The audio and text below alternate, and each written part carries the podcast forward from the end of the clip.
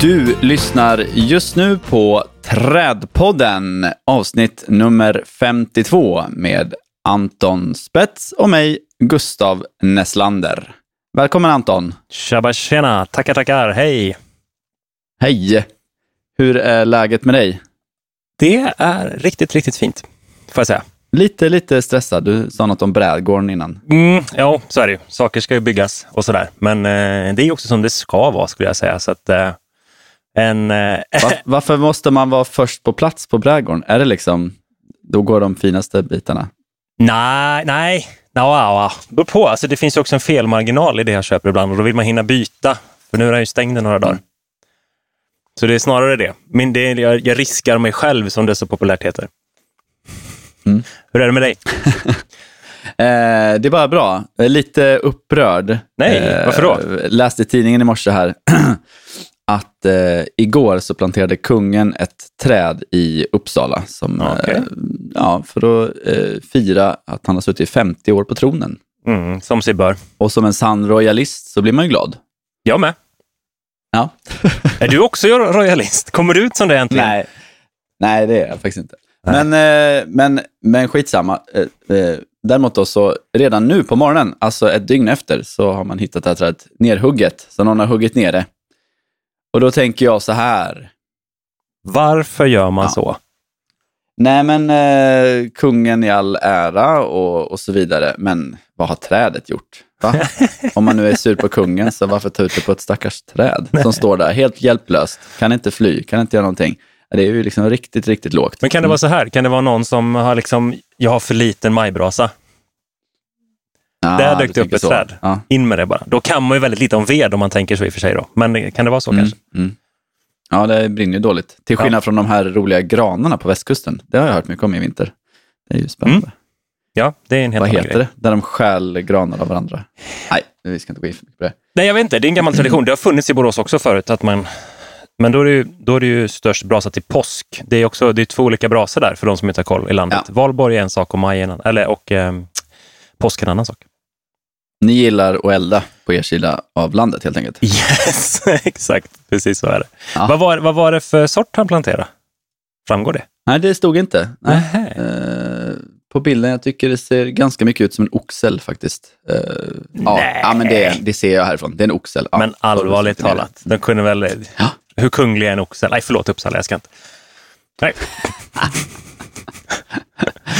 Eh, men du, har du gjort något kul sen sist?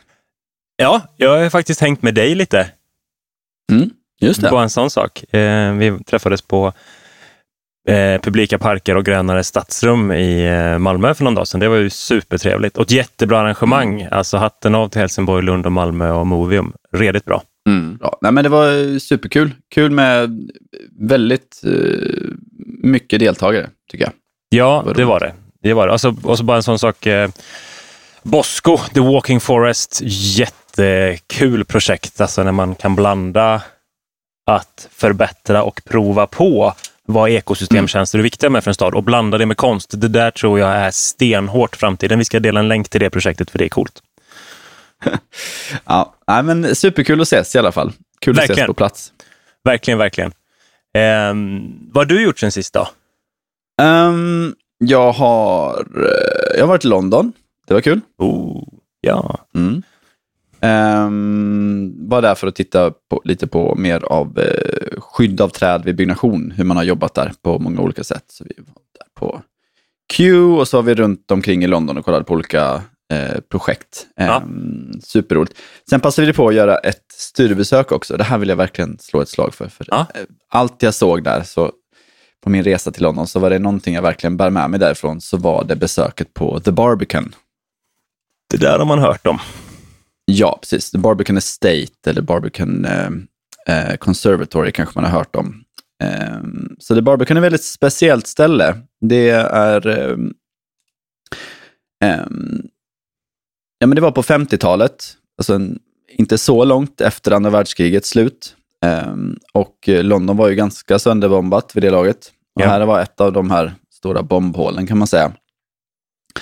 Ehm, där man beslutade då att man skulle bygga om det och göra eh, bygga något riktigt modernt där och väldigt inspirerad av eh, Le Corbusiers tankar om att liksom, eh, en, en byggnad eller ett kvarter ska vara lite som ett eh, rymdskepp. Här, här finns allt. Liksom. Eh, så, så byggde man då The Barbican eller så ritade man The Barbican Estate där det skulle innehålla en teater, eh, stort konstmuseum, massvis med lägenheter. Jag kommer inte ihåg hur många tusen lägenheter det är, men det är otroligt många. Ehm, och ett stort eh, orangeri skulle man kunna kalla det, eller The Conservatory. Alltså det är en, en tropisk eh, mm. eh, plats helt enkelt eh, i, i, ett glashus. Och eh, man har ritat mycket med det med dammar och grejer utomhus och stora grönområden och så vidare. Och allt Vatten detta i som... fruktansvärt futuristisk eh, och numera då brutalistisk stil skulle jag säga. Just det, och vatten som rör sig in i de här liksom skapta dammarna och vattenfall och grejer. Alltså det där skulle ingen ja, våga precis. bygga idag. Nej, men precis. Och um, det ritades alltså på 50-talet av ett gäng 20-åringar tydligen. uh, och sen så uh, blev det inte byggt förrän på slutet på 70-talet. Jag tror 78 stod det färdigt och blev invigt. Så att, uh, vad som hände däremellan det vet jag inte riktigt, men en, en hel del byråkrati och annat. Liksom. Ja. men det ser liksom ut som något som, jag vet inte, som en blandning av någonting från The Jetsons, kanske man minns den här gamla 50-tals eller 60-tals eh, tecknade serien som var lite så futuristisk. Eh, och ett liksom stort kinesiskt tempel. Jag vet inte, det är otroligt häftigt. Mycket, mycket betong i dagen så att säga. Ja. Eh, men, ja, men så himla häftig plats med där man också verkligen har eh, integrerat grönskan på många olika sätt. På, på ja, på ett sätt som känns väldigt modernt än idag. Liksom. Mm. Eh, där alla balkonger har tillgång till odling till exempel. Och alla. Ja, nästan alla fönster har någon slags, eh, eh, vad heter det, eh, ja, men, odlingslåda utanför sig. Så det, ja. eh, superkul verkligen. Du får lägga upp um, lite bilder därifrån såg jag, för du skickade iväg några till mig och de var ju riktigt fina. Ja, men det kan jag göra, absolut. Sen en annan grej faktiskt som, som har hänt sen sist. Eh, SLU, Mareld och Urbio skrev ju en jättebra och intressant debattartikel i DN. Jag delade mm. den här. Eh, men kort jämförelse att för, för 300 år sedan så gick vi, var högsta modet vit peruk och klippa mm. gräs. Den ena trenden har dött, den andra lever kvar. och jättemycket, en jättebra enkel diskussion som förklarade vikten av att gemene man som är trädgårdsägare faktiskt tar sitt ansvar och kanske slutar klippa gräs men också släpper upp gräs, planterar träd och så vidare. Mm. Läs den om ni inte har läst den. Mycket tankvärt och bra. I samma veva så hörde lokalradion av sig. Eh, sett till den här nyheten som också var eh, kring insektsdöden i Tyskland. Mm. Så att, um, ja, jag tänker så här, vi kan väl höra hur det lät och sen kan jag berätta vad som ja. hände sen. här kommer ett eh, klipp från um, från Sveriges Radio. Eh, håll till godo. Låt robotgräsklipparen stå. Det är uppmaningen som kommer från Borås stadsträdgårdsmästare Anton Spets. Ta det lite lugnt med automovern till våren och se lite vad som kommer upp. I alla fall våga släppa upp vissa partier i din gräsmatta. Och det är rätt häftigt att bara gå på upptäcktsfärd i sin egen trädgård. Vad hände när jag inte klippte gräsmattan nu i vår som jag gjort i 20 år? Man kommer hitta jättespännande saker, jag är helt övertygad. Att låta bli att klippa gräsmattan leder till ett större mångfald av växter som kan rädda bin och andra insekter. Det finns ju forskning på um, som visar att tre fjärdedelar av våran insektsfauna så att säga har försvunnit på 30 år och det är otroligt allvarligt. Det vi närmar oss en, en tipping point. Försvinner våra insekter så försvinner också våra pollinerare och vi får ingen mat i förlängningen. Uppmaningen gäller inte bara för villaträdgårdar. Nu ska Borås stad klippa gräset i sina parker mer sällan för att fler växter ska kunna växa. Vi skapar ängar eller vi skapar ytor som vi kanske klipper två till fem gånger per år istället för 12 till 16 gånger per år som vi klipper våra vanliga gräsmattor. Hanna Thorn, P4 Härad. Äh, det där var väl bra Anton? Eller hur? Det är super... Eh, jag är jättenöjd. Jättekommunikativt. Och jag, väldigt eh, stora ord att komma från någon ja. som kommer från golfsidan, va ja, Anton? jag vet. Men jag menar, ja. man kan ju ändå liksom... Eh, eh, det finns ju tid att vända blad för att få en, en liten kunglig referens igen. Eller hur? ja, precis. Men lever du som du lär då, Anton? Det var den här frågan du inte skulle ställa, Gustav. Nej, så, så knasigt. Och det var ju skitkul och det är jättebra frågor och allt det där. Tyvärr så råkade eller tyvärr, men eh, mina barns förskollärare lyssnar på radion, vilket är bra. Mm. Och, ehm, så när de kom tillbaka, den här var på fredagen, och så när de kom tillbaka till förskolan på måndagen, så bara, ah, vad har ni gjort i helgen? Som man frågar på alla ställen, Mm. på, dog, på jobb och på dagis. Pappa har installerat en robotklippare, vi fick hjälpa till, det var jättekul. Det var en skitjobbig hämtning sen. Jag kände mig som en så här, mm, ja, Jekyll and Mr Hyde typ. Nej, det är, det är ju det här som kallas hyckleri, Anton. Ja, jag vet. Ja, men jag tänkte jag kan nyttja den här tiden till att försvara mig också. Jag har alltså då fått den här eh, klipparen eh, i julklapp av min pappa, han gillar att klippa gräs, för två år sedan.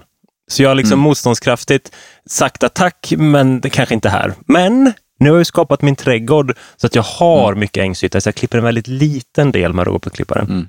Mm. Ja, det är bra. Mm. Av bön. Förtydligande, helt enkelt. Ja, bra. jag kände att det behövdes.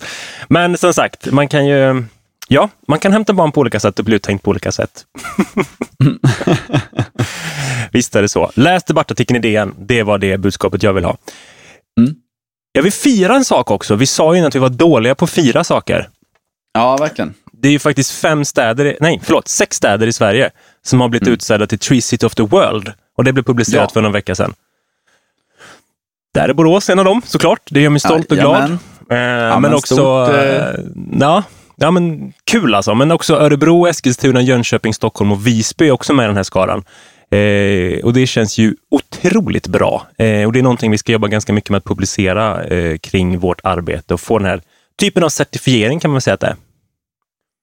Tycker det är kul att det är många svenska städer som är med på den här listan. Eh, Jag kollade efter lite och Sverige ligger eh, trea i Europa efter. Spanien och England i antalet Tree Cities. Eh, Så att, ja, men, det är väl inte helt omöjligt att vi någon gång kommer upp där i topp.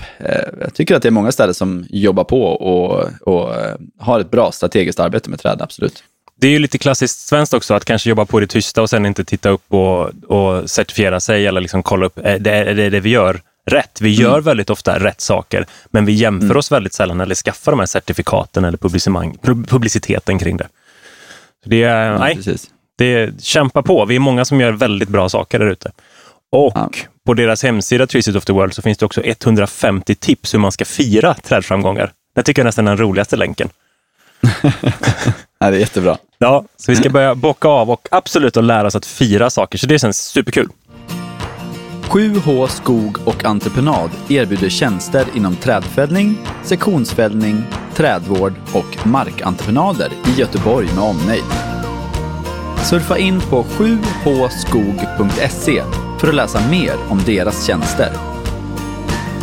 Tack 7H Skog. Utan ert stöd hade vi inte kunnat göra Trädpodden.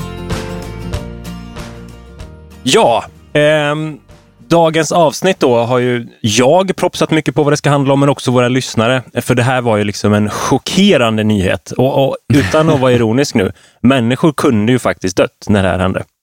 Ja, Ni fattar alla att jag snackar om de här två gigantiska tallarna som föll under US Masters i, i Ja. början på april. Eh, jag såg det hända IRL. Då blir man riktigt taggad när man sitter mitt i natten och golfsudd, suddar tittar och så bara bank går det ner. Två gigantiska tallar eh, ganska nära 17 hålets tee på Augusta.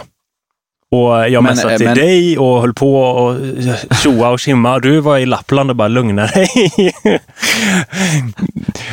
Ja, du, var, du var lite så, stoppa pressarna. Nu, ja. liksom. ja, ja, ja, ja. Det här är det viktigaste som har hänt. Eh, I min värld såklart anmärkningsvärt, just framförallt att det händer på live-tv. Jag vet inte om det är liksom, när händer det? Ja, Nej. har har jag aldrig sett i alla fall. Eller hur? Och liksom så här, historiska vingslag också, Eisenhower Tree och det här stora träd som gick ner i det avsnittet vi snackade sportträd för några avsnitt sedan. Eh, Alltså samma ställe igen. Men vad är oddsen att det händer när man har världens mest populära golftävling som går där fyra, gånger, eller fyra dagar om året? Det är ju rätt Nej, lågt. precis. Men du får berätta lite om förhållandet. Var det liksom storm när de föll? Ja, det, det var ett ganska sketchy väder generellt där under den tävlingsperioden som var. Eh, de hade b- blåst av tävlingen två gånger under de här fyra dagarna och det är lite problematiskt när man gör det. Det är ett ganska tajt tidsschema så där man vill gärna spela klart. Dels var det mycket nederbörd, eh, men sen var det också väldiga kastvindar. Så att det var faktiskt kastvindar då har man kommit fram till som de föll när vinden vände väldigt snabbt. Och det var ju alltså inte på banan alltså där golfspelarna enbart går, utan det var ju ute i publiken. Så tio mm. personer kunde stått under, eh, verkligen. Och man hörde eh, intervjuer, folk som var där, hur just ljudet i stammen när trädet börjar falla. Mm. Men det som är lite intressant, som golfbanor i alla fall i Sverige har jobbat med, det är ju rotbeskärning. För att man ska ju odla gräs på en golfbana och det gör man ju. Det ser ut som man gör en kabelschakt i princip om ni har sett fibergrävare gå fram. Eh, man skär ungefär någonstans mellan 40 och en meter, 40 centimeter och en meter ner i backen. Det gör mm. man på golfbanan för att skära av rötterna så att de inte ska gå ut och ta näring från gräset. Okay. Och när man tittade på de här rotvältorna efteråt, så det var ju liksom inga stora kockor den vände upp, utan det var ju väldigt små rötter. Ja. Så det tror jag skulle kunna vara någonting som man har jobbat med här i stråket där människorna går för att få bra kvalitet på gräset. Att man har jobbat med ganska aktiv rotbeskärning, tror jag. Det, en annan sak som påverkar också, det är, och det är ju, om man tänker efter så stämmer det in på de flesta gångerna som ett, trä, ett helt träd faller när det är en rotvälta. Mm. Så har det faktiskt mer att göra med eh, nederbörd än med vinden. För att det liksom krävs nästan att marken är helt vattenmättad. Då förlorar den väldigt mycket av sin stabila struktur. Eh, ja. Då kan man nästan tänka sig själv att det, liksom, det är lättare att slita upp en morot ur en väldigt blöt jord än ur en väldigt torr jord. Precis. Um, och, eh, ja, men så, så, inte sällan, det är såklart, ofta sammanfaller det här, att det är storm och så är det väldigt mycket regn. Och då, eh, det är just i de situationerna man verkligen ska vara lite mer extra aktsam, om man, om man rör sig under träd som skulle kunna falla. Absolut, och det går att jämföra med, alltså, när vi nu då tenderar att få varmare och blötare vintrar i Sverige, som sammanfaller med en vindriktning som inte är den förhärskande vindriktningen, då får vi ju problem. Ja. Det, så att, absolut, det var nog ett antal, två eller tre olika faktorer som sammanföll och då hände det här. Men det genererar då att vi måste snacka risk. Det är ju lite ja, det vi vill precis. komma ner till i det här avsnittet, att det är risk vi ska snacka om idag. Vad um, tänker du, Gustav, när du hör ordet risk och träd? Eh, på jobb, tycker jag. Pengar kommer in. Nej, men jag jobbar mycket med det, absolut. Det är ja. en, eh, eh, absolut en ganska stor del av, eh, av mitt jobb, är att göra ja. riskbedömningar. Ja. ja. Så är det. Och det första man ska veta, dels som beställare av riskbedömningar och som utförare av riskbedömningar, mm. är ju att det finns inget som heter riskfritt. Just det. Och det gäller ju egentligen allt, det har inte bara med träd att göra, utan det, det finns ju inget som är helt riskfritt det, det kan vara väldigt, väldigt osannolikt att någonting mm. ska hända. Men det finns ju ingenting som är riskfritt. Inget träd kan vara helt riskfritt i och med att um, blir det tillräckligt höga vindar så knäcks ju vilket träd som helst. Alltså ja. blir det en riktig orkan så knäcks ju vilket träd som helst. Det, så att, så att, eh, att gå ut, det har ju hänt att man har fått den typen av beställningar. Och liksom, ja, men här är det jätteviktigt att vi, vi kan inte ha några, några risk, liksom, det får inte finnas någon risk på den här platsen. Ja, men det, då kan man säga nej direkt. Men det går inte. Nej, Jag kan precis. inte garantera att det inte finns någon som helst risk. Och var det önskat så. att man också tänkte att det ska, det ska inte finnas någonting som heter skötselfritt heller. Nej, precis. När man tänker i de här banorna. Ja, mm. Mm. ja, ja vi ska inte gå åt det hållet, men det var en tanke som får i mitt huvud när du sa det där. Ja, men precis. Vad tänker du spontant när, vi, när du hör ordet risk? Um, nej, men jag tänker väl att det är väldigt viktigt att prata om det. Men jag tycker mm. också att man ska ställa det emot vilka saker man kanske då tar bort om man ska skapa den här så nära som det går riskfria miljön. Mm. Bara få mm. stryka mm. på foten. Så att mm. man inte liksom låser upp sig på allt ska vara hundraprocentigt säkert överallt. Alltså det är den diskussionen som också pågår nu kring lekplatser till exempel. Vad, vad ska vi garantera i en lekmiljö? Man ska absolut inte kunna slå sig ladida. Och barn måste i det sammanhanget lära sig riskbedömning. Sen kanske mm. inte människor ska vistas i en park och hela tiden gå och göra riskbedömningar. Kan jag gå under det trädet? Kan jag gå under det trädet? Kan jag sitta här? Kan jag inte sitta här? Det blir ju fel. Eh, men som du säger, jag ser väl en kostnad också inbegripet i det här. Mm. Som trädförvaltare.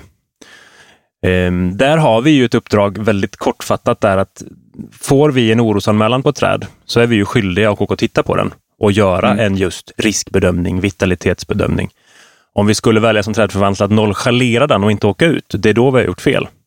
Ja, det är så då det, ni kan försumma någonting. Liksom. Exakt, uh, så det är mm. det som är väldigt viktigt i vårt jobb generellt. Att, att vara lyhörda och titta ut och åka och göra bedömningar och inte sitta på kontoret och bara säga nej, det är ingen fara. För saker mm. kommer ramla ner. Det är inget snack om det. Men det finns ju ganska mycket man kan göra innan det skulle råka hända. Trädpodden tackar vår sponsor Stångby Plantskola. Stångby producerar växter av högsta kvalitet och är en av Sveriges största producenter av E-certifierade träd.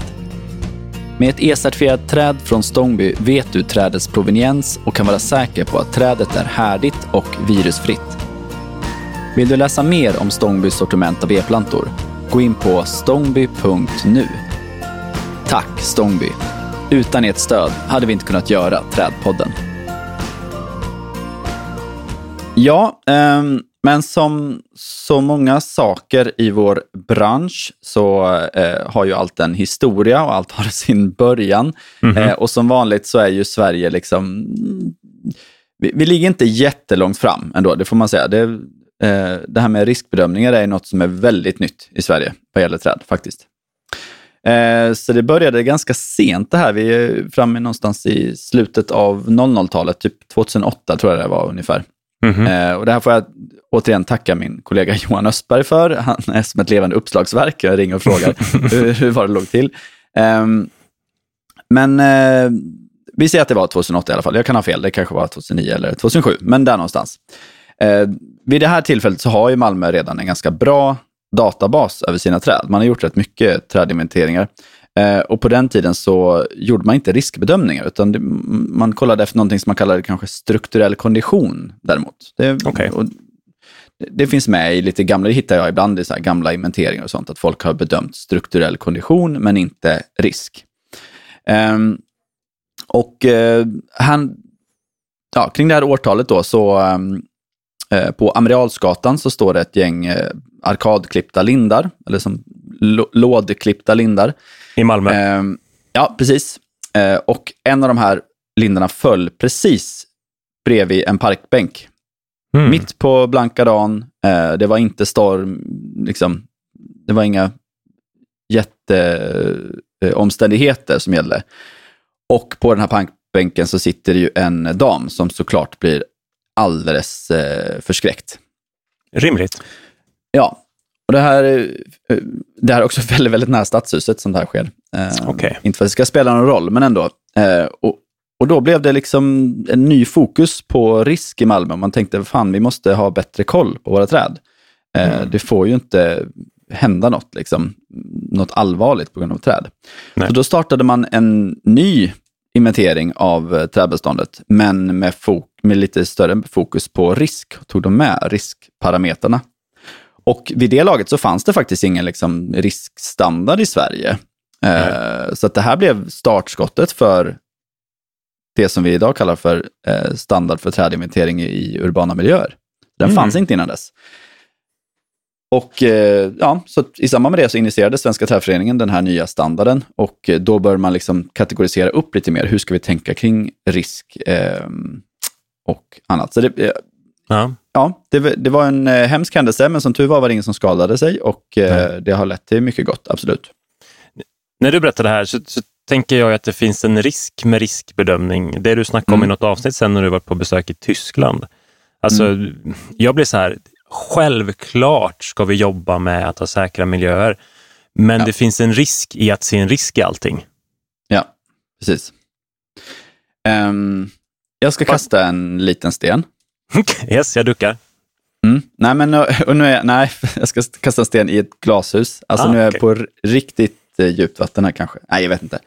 Kör, men, ehm, nej, men det finns ju, det kan ju finnas intressekonflikter Mhm. med eh, riskbedömningar. Mm. För att om samma företag som gör riskbedömningen också får jobbet att åtgärda risken Ja. genom att till exempel sätta upp en kronstabilisering eller att faktiskt såga i ett träd eller såga ner ett träd. Eh, så kommer ju det här företaget att kunna tjäna mer pengar på om de är extra noggranna eller liksom lite hårdare i sin riskbedömning. Ja. Ehm, så med det sagt så- finns det såklart, är man utbildad så ska man ju vara objektiv och så vidare. Så att eh, det finns, de allra, allra flesta är nog superskötsamma på detta. Men jag kan tycka att det finns en poäng i att lyfta frågan om man inte liksom, eh, är det inte smart att låta en tredje part göra riskbedömningen och sen så eh, en annan part eh, göra åtgärderna. Vi ser samma risk med, med lekplatser och lekplatsbesiktning. Det är ju precis samma Mm. grej. Det, ehm, nej, jag förstår den. Jag tycker inte det är en sten i ett glashus sett så. Utan, ehm, det är viktigt som, som beställare och trädförvaltare att våga ställa krav åt båda håll tror jag. Eh, och antingen utbilda egen personal eller faktiskt köpa in tjänsten. Men då köpa åtgärden av någon annan. Helt rätt. Ja, precis. Ja.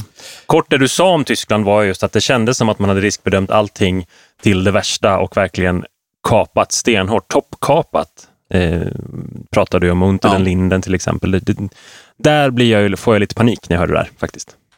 Ja, men och, grejen är ju att toppkapning kan ju vara det enda rätta i, i, efter en riskbedömning. Att även om det är kanske absolut sämsta för trädet så är det det som det- den enda åtgärden som eh, reducerar risken. Eh, Mm. ja, förutom att fälla trädet då kanske. Och då kanske det är värt att göra en toppkapning för att kunna behålla trädet i Ja. 10-15 år till. Liksom. Men nästa steg då, är det värt att toppkapa alla 200 träd i en allé för Nej. tre behövdes? Alltså det är det där konstiga rationella som inte får komma Nej, in. precis. Nu vet vi ingenting om Nej, bakgrunden till. Unten eller Linden. Liksom. Men det är, det är ju träd som står i dåliga växtbäddar eh, och där man har eh, tagit bort väldigt mycket av kronorna eh, kontinuerligt. Mm. Okej. ehm, jag vet ju att du gick en ganska god eh, kurs för något år sedan. Jag hade varit sugen på att gå den också, men jag hann inte med. Eh, För att bli lite duktigare på just, risk. Den heter ju TRAC. Kan du inte berätta lite mer om den? Ja, men precis. Och det är ju den, den riskbedömningsmetod som är störst i världen faktiskt. Ehm, och ehm, ja, TRAC det står alltså för Tree Risk Assessment Qualification. Det är alltså en qualification, det är inte en certification. Det är ingen certifiering, utan man, man, man går kursen, eh, man tenterar och är man godkänd så är man godkänd. Då har man, och sen så behöver man uppdatera den, jag kommer inte ihåg om det var ja, femte eller sjätte år eller något sånt där, så behöver man gå den igen. Ja. Ehm, men, men det är, det, det är den, den riskbedömningsmetoden på träd som är mest internationellt använd helt enkelt.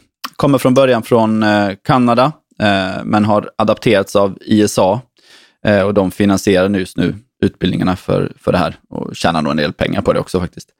Eh, Mhm. Så ISA är International Society of Arboriculture, men även om det är international så är det ganska amerikanskt, får jag säga. Ja, ja.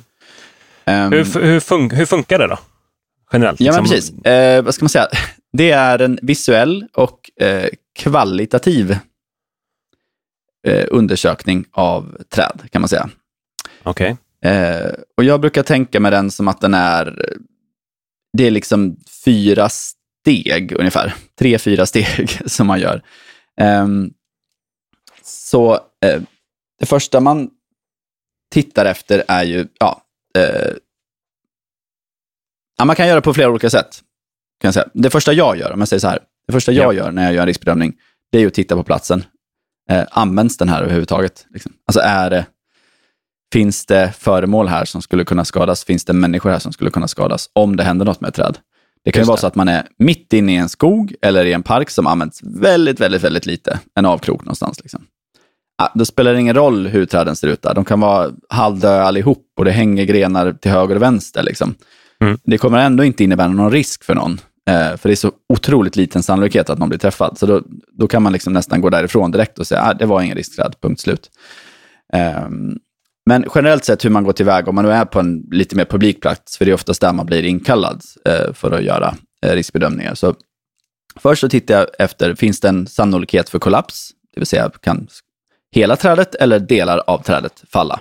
Okej. Ehm, och sen så eh, frågar man sig då frågan, eh, finns det en sannolikhet för att eh, trädet eller delen av trädet träffar en person eller en egendom? Just det.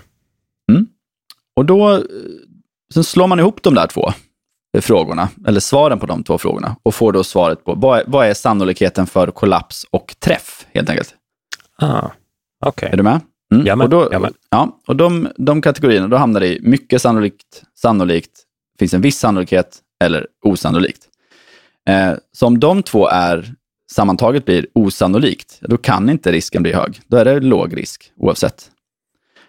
Um, men om, om det finns en viss sannolikhet eller om det är sannolikt att eh, den här eh, träd, träddelen träffar en person eh, eller egendom, um, Då ska vi också fråga oss, vad blir konsekvensen om trädet, träddelen träffar en person eller egendom? Mm. Um, och är den försumbar, säg att ja, det, det, den, en, konsekvensen blir, för det är en ganska liten gren och den kommer trilla på ett eh, eh, tak på en busskur. Ja, då är konsekvensen är försumbar. Det kommer möjligtvis bli någon liten, liten repa på det här, men det, det, busskuren kommer inte skadas. Liksom. Ja, då är det fortfarande också låg risk. Mhm.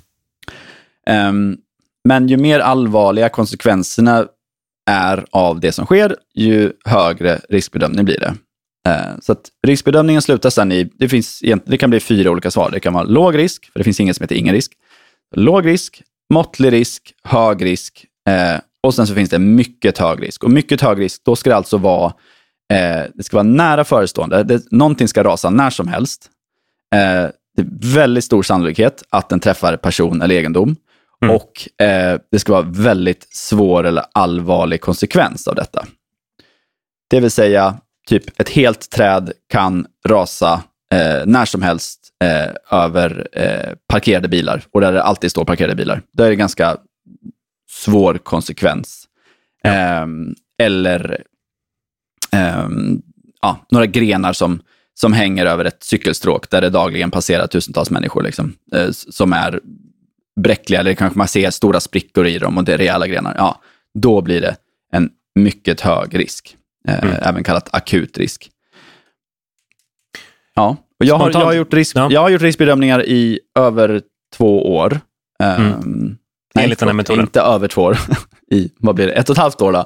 Ehm, för det var hösten 2001 som jag blev, eh, som jag blev godkänd för riskbedömningar av Track. Jag, jag har aldrig stött på mycket hög risk. Och jag tycker alltså det, här, det finns ju väldigt mycket eh, sans och balans och förnuft i den här bedömningen. Mm. Ehm, det tycker jag är värt att stryka under också. Ja. Finns det något annat system, certifiering, man kan använda sig av? Ehm, ja, det finns, eh, det finns flertalet andra, men den andra som är väl accepterad internationellt är QT, QTRA, eller QTRA. Så man har liksom flyttat lite på de här bokstäverna i track. Ehm, men den, den står för Quantified Tree Risk Assessment. Ehm, och den finansieras av Arboriculture Association, som ju har sitt huvudsäte i Storbritannien. Just det. Ja. In, inte anonyma alkoholisterna. Nej, precis. Nej, precis. Nej. Ehm, så den är väl lite vanligare i Storbritannien, men om, om man jämför hur, mycket, hur många som är kvalificerade så i track tror jag över 10 000 utbildade arborister i världen som kan utföra det här. Eh, QTRA är några hundra. Okej. Ja. Ja. Yes. Så, så absolut. Jag ska inte lägga för mycket vikt vid den. Jag kan lite för lite om den. Jag har aldrig testat det. Liksom. Men den är, den är mer, vad ska vi säga, kvantitativ. Mycket beräkningar. Det är lite matte i det faktiskt. Um, Medan eh, track är mer kvalitativ, visuell. Eh, man kommer ganska snabbt fram till, till ett svar. Liksom.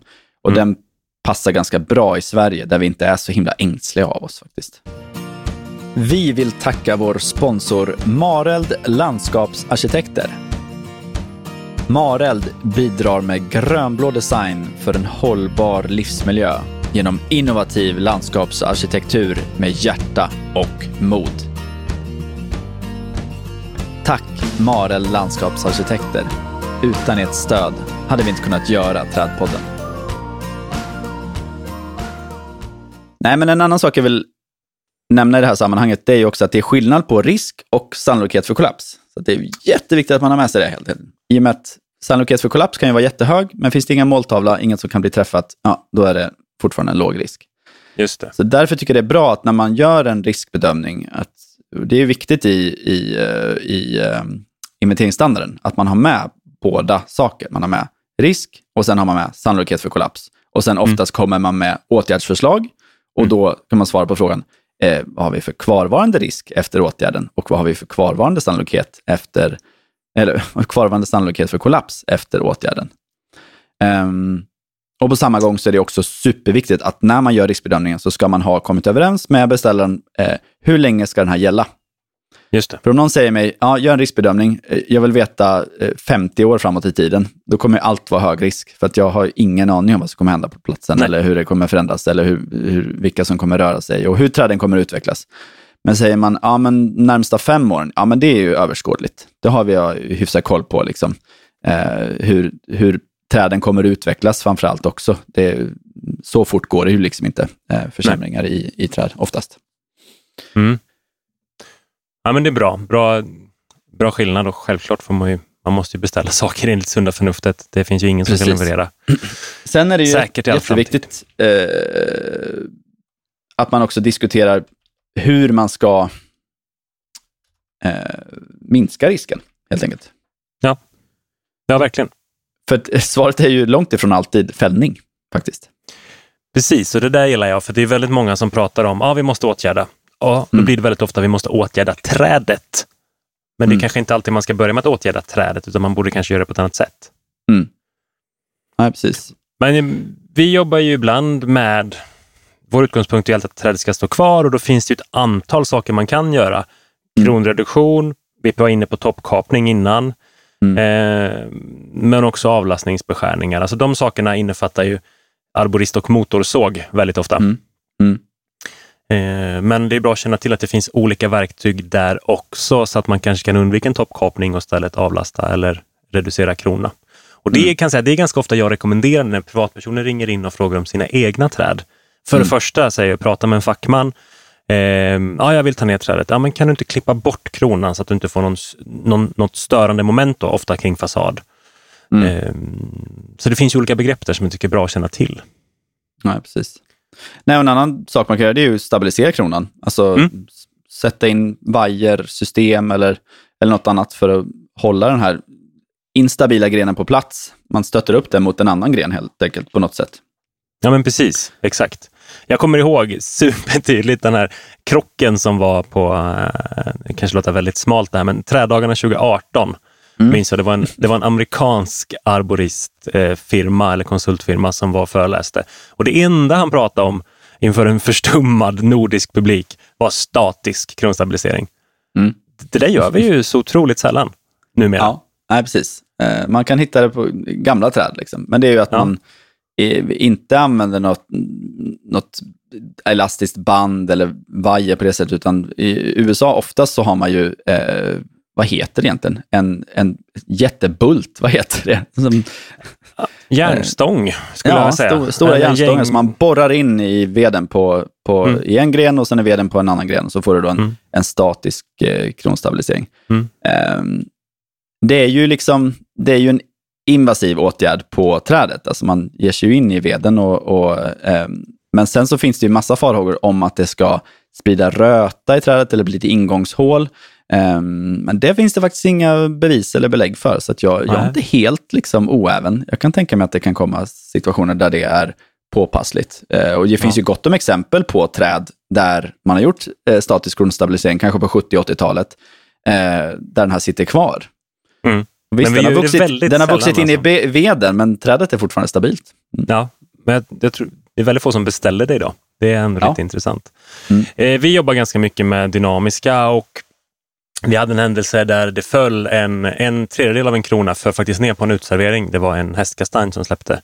En ganska stor. Aj, aj, aj. Eh, Som, Mm. ja, som tur var på natten, men det är liksom en sån given riskfaktor. Så beslutet vi tog då, vi besiktigar trädet och sen sätter vi upp en dynamisk kronstabb eh, på de två som stod kvar. Och Det där är ju en ganska bra grej. Utan att behöva gå upp i trädet så kan man följa den där kronstabiliseringen så blir den dynamiska bandet spänt över tid. Mm. Ja, då har man ju en betydligt mycket större åtgärd framför sig. Och det slutar med att den satt i ett halvår men sen var den spänd och då fick vi plocka trädet. Ah, mm. Så Nej, så det var en, alltså, nej, den metoden är ju ganska bra eh, och det är också ganska lätt att föra en dialog med då den väldigt nervösa eh, restaurangägaren. Men ja, men nu gör vi den här åtgärden, vi kommer följa upp den. Är det så att den dynamiska blir spänd, då har vi ett större problem och måste åtgärda. Och då kom ni ju fram till då att alternativet fällning var det bästa till slut. Liksom. Och det, det är ju ofta sista utvägen, eh, förhoppningsvis. Liksom. Det finns ju så Ja. mycket annat man kan göra före dess. Eh, ett annat är ju att man fäller delar av trädet, så att det blir en högstubbe. Mm, absolut. Och, och så, sen kan vi vara kreativ. Jag, vet, jag, jag tycker kontot Ravenwood på Instagram är ju superkul att följa. Det är ett gäng arborister i Stockholmsregionen som gör träskulpturer till exempel. Mm. De är superduktiga på det på högstubbar. Och, och de är mycket andra bra eh, ekosystemsfrämjande och biologisk mångfaldsfrämjande insatser just kring död ved. Så följ Ravenwood på Instagram med en uppmaning. Mm. En annan Ja, sak man kan göra, som vi har jobbat ganska mycket med i våra naturreservat, eh, det är ju insektshotell i högstubbar. Ut Just med det. några borrar och så liksom ut och borra på. Och kommer du ihåg Gustav, när och träffade Henrik Sjöman i Botan i Göteborg så hade de till och med anlitat konstnärer som gjorde mönster i död ved. Så de byggde liksom insektshotell som var som att du hade nästan klätt in trädet i spets, såg det ut som. Det var Ja. superfint. Nej, väldigt, väldigt läckert. Det där får du lägga upp bilder på Anton. Mm, ja, men det ska jag göra. Så jag menar, Mm. Det går ju att vara kreativ och behålla död ved, för det måste vi också jobba med. Eh, och kanske då i princip plocka bort den väska, värsta risken, eh, men ändå ha någonting kvar. Jag gillar din tanke du sa också när vi snackade innan, innan Gustav, om avspärrning. Det, det väckte ju lite tankar hos mig. Jo, men alltså, för ibland är ju trädet så pass värdefullt att man helt enkelt får förändra människors beteende istället. Eh, eller, eller bilars beteende. Att så här, ja, nej, men vi vet att det här trädet kommer nog falla eh, inom en överskådlig framtid. Eh, Mm. Men vi, vi väljer att ha, ha det kvar i sin fulla storlek, för det är så himla viktigt. Det kanske är ett kulturellt väldigt viktigt träd, det är kanske viktigt i blickfånget, socialt för andra människor. Ehm, eller så är det viktigt för en biologisk mångfald. Och, och då väljer man att ha kvar det och avspärrar helt enkelt. Man kanske flyttar på parkbänken som sitter där under. Man kanske flyttar på parkeringsplatserna som står under trädet. Eh, eller sätter upp ett staket runt om, som jag vet att man gjort på andra ställen. Och då tänker jag att det måste ju inte vara ett fult staket. Man kan ju göra ett vackert staket, eller du kan till och med göra ett buskage som i de facto blir ett staket. Mm, mycket smart. Det det gynnar det småfåglarna. Perfekt. Exakt, men trädet står ändå kvar. Så den där idén gillar jag väldigt mycket. Att man inte ska fokusera på att trädet är problemet, utan man har andra lösningar med att flytta bort något annat. Det där är ju genialt, skulle Mm. jag säga. Och till hjälp då kan man ju ta den här skriften Fria eller fälla, som för övrigt också precis har släppts i 2.0, är utgiven av Riksantikvarieämbetet. Men ja, SLU, eh, länsstyrelserna med flera är, är med och eh, eh, skriver denna. Och, och det är just en sån handbok man kan använda sig av eh, när man frågar sig, hur ska vi göra i detta fallet? Mm. trä, trädet bör, liksom, det, det behöver göras någonting, kanske för att reducera risken. ehm, men eh, vilka värden ska få gå först? Är det då liksom, är det, är det mest värdefulla att ha kvar trädet eller är det, eh, det är viktigt att ta bort det? Så det, det är jättebra hjälpmedel för att komma fram till det. Och inte minst när man är kanske olika myndigheter som står mot varandra eller olika regler eller policies eh, eller lagar som står emot varandra. Just det. Ja, bra tips, verkligen. Mm. Grymt! Ja, det var mycket om eh, risk på kort tid. Vi fick eh, klämma ihop det här lite. Men mm, vi får nog återkomma till ämnet sen också. Det var mycket att prata om, verkligen. Tycker jag. Det är, ja, det är intressant. Framförallt att det kan leda till kreativa lösningar också. Tycker jag är bra. Precis. Du, by the way, jag har ett, faktiskt ett riktigt trevligt kulturtips ja, men vad som jag tycker alla ska läsa. Det är inte 100 procent om träd bara, men jag tror de flesta av våra lyssnare, kanske inte alla, har hört om Frederick Law Olmsted. Har man inte hört om honom så har man säkerligen hört om Central Park. Och det finns Mm. en jättebra eh, bok, den har några år på nacken nu, som eh, heter Mannen som skapade parker. En berättelse om Frederick Law Olmsted. Eh, som jag håller på att läsa nu från perm till perm. Supertrevlig och den är faktiskt skriven eh, av en svensk också. Det är ju i sig eh, är ju superkul att någon har liksom engagerat sig så att det inte är en amerikansk facklitteratur på 800 sidor som det brukar vara, utan Dan Rosenholm Mm. har skrivit den här boken. Och då tror man så här, okej, okay, Fredrik Lornstedt, ja, han ritar Central Park. One lucky shot liksom. Nej, Mm. det var inte riktigt så enkelt. Han, förutom det då, så anses han vara världens första så att säga, landskapsarkitekt som faktiskt kunde starta en firma och leva på det. Han Mm. myntade egentligen den, eh, den arbetsgenren, om man får säga så, eller det skrået. Eh, sen hann han Ja. också med lite sådär i förbifarten att eh, jobba fram eh, Niagarafallens eh, naturreservat, alltså stoppa exploatering av Niagarafallen och skapa naturreservatet Yosemite. Det kör han lite under tiden. Liksom. Jesus. Ja, nej, men eh, det är ju bra målbild vad man ska ha på CVt eh, när man Nej, coolar är in. Liksom. inte klar där. Han ritade också Prospect Park i Brooklyn som nästan är fräckare än Central Park. Han gjorde den efteråt. Han gjorde också världsutställningen i Chicagos allmänna miljöer och parker. Ja, herregud. Mm. Och så grundade han också föregångaren till eh, Röda Korset. Centenary Commission han han med. In, för att det var också under den tiden på mitten av 1800-talet som eh, Nordamerika låg i krig. Eh, nord och syd där. Så Ja. att, Väldigt fascinerande och häftig berättelse om en väldigt, väldigt tidig pionjär inom vårt skrå. Så läs gärna den boken och få också inspiration om gestaltningstankar kring Central Park. Jag har fått jättemycket tips och tricks från den boken. Läs den! Då så. Eh, det ska jag göra i alla fall. Tack för tipset Do. Anton. Do it, do it. Vi säger så. Det såg ut som du skulle säga något. Men då var bra. Eh, då tackar vi för oss för den här veckan och så eh, hörs vi igen om cirka två veckor. Det gör vi. Ha det fint. Hej då! Ha det fint allihopa. Hej då!